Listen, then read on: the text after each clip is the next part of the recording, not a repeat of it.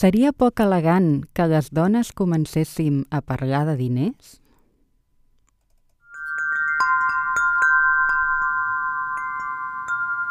Circe a la platja.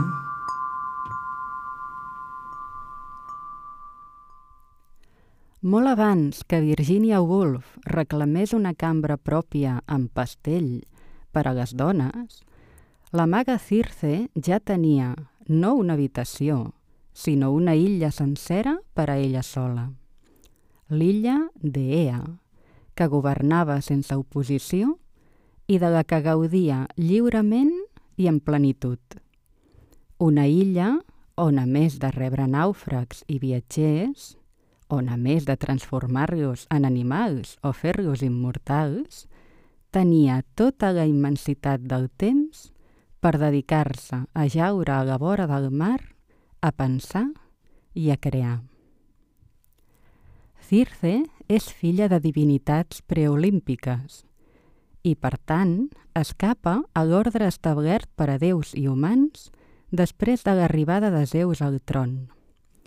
Un ordre que segueix imposant-se a dia d'avui, per molts segles que faci que no s'ofereixen libacions als déus grecs. Un ordre que coarta, limita i restringeix la llibertat i la creativitat de la meitat de la població. Un món, en definitiva, on no hi ha illes pròpies per a les dones.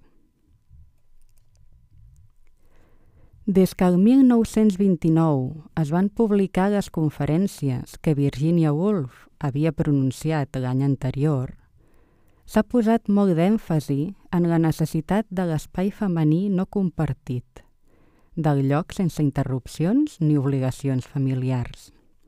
És el que tenen els títols, posen de relleu una de les idees, sovint deixant la resta a l'ombra. Però aquest títol li falta la meitat de la frase. Perquè una dona escrigui, diu la Wolf, necessita una cambra pròpia i 500 lliures a l'any. I no només això. Uns quants capítols abans d'arribar a aquesta conclusió, la narradora confessa que rebre en herència una renda anual de 500 lliures li sembla més important que l'assoliment del sufragi femení. Com pot dir la gran figura literària i feminista Virginia Woolf que li semblen més important els diners que un dret col·lectiu conquerit?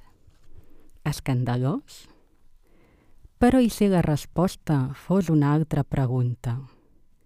Què dona més llibertat?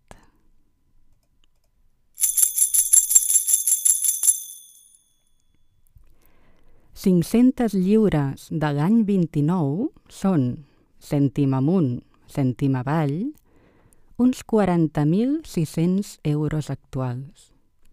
És a dir, 3.400 euros al mes en 12 pagues o 2.900 en 14.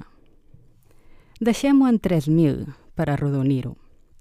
Amb 3.000 euros al mes, una es pot comprar la cambra, el pany i el pastell. Per contra, amb una habitació, però sense un duro, no hi ha espai per dedicar-lo a crear ni a res que no sigui la pura subsistència. L'espai propi és imprescindible sempre que l'altre platet de la balança hi hagi la independència econòmica o, millor encara, la llibertat financera. Quantes dones hi ha amb uns ingressos de 40.000 euros a l'any? Quantes dones artistes i creadores tenen aquesta renda?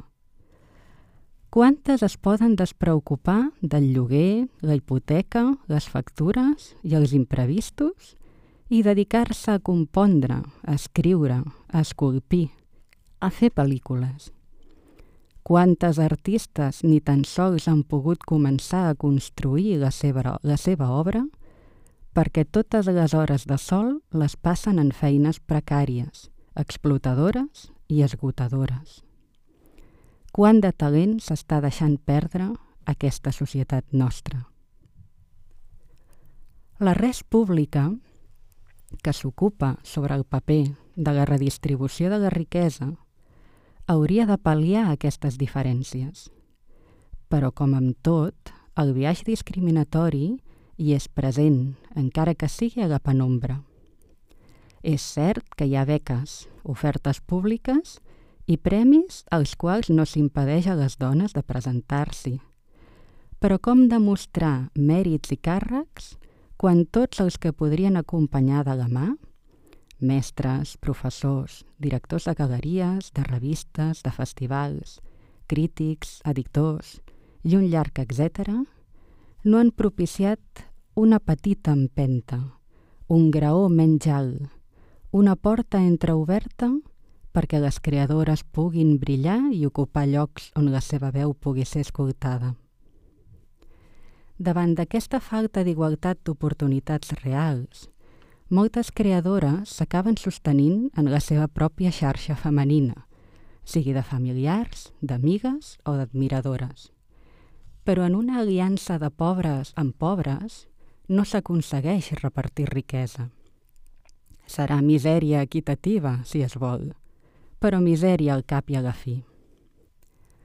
La Carla Simón no deixa de repetir a qui la vulgui escoltar que si ha arribat fins a la Berlinale i ha recollit l'os d'or és perquè aquesta vegada ha tingut una mica més de pressupost, una mica més de diners en una pel·lícula en català, alternativa i amb actors no professionals. Una pel·lícula d'autora, dirigida i escrita per una dona. És a dir, una mica més de diners en un pressupost de mínims. Es pregunta la Wolf què van fer les nostres àvies per haver-nos deixat una herència tan pobra, quan se les va desposseir sistemàticament i les seves riqueses van excloure les dones com a beneficiàries. On són la nostra Catalina de Medici o la nostra Peggy Guggenheim? Ni el Renaixement ni les avantguardes del segle XX haurien estat les mateixes sense elles. Per què a les artistes no se'ls apareix un mecenes com a Miquel Barceló, que els digui ocupa't només de crear, que jo m'ocuparé de les factures. La paritat, l'equitat i la igualtat han d'arribar també al terreny econòmic, i no es tracta d'esperar a que la bretxa salarial es corregeixi per si sola o per les tímides mesures governamentals. Qui té més? Qui té desproporcionadament més perquè el sistema patriarcal així li ho ha concedit, ha de començar a repartir, a donar per guanyar, perquè no avançarem cap a la igualtat des de la misèria, sinó des de la generositat.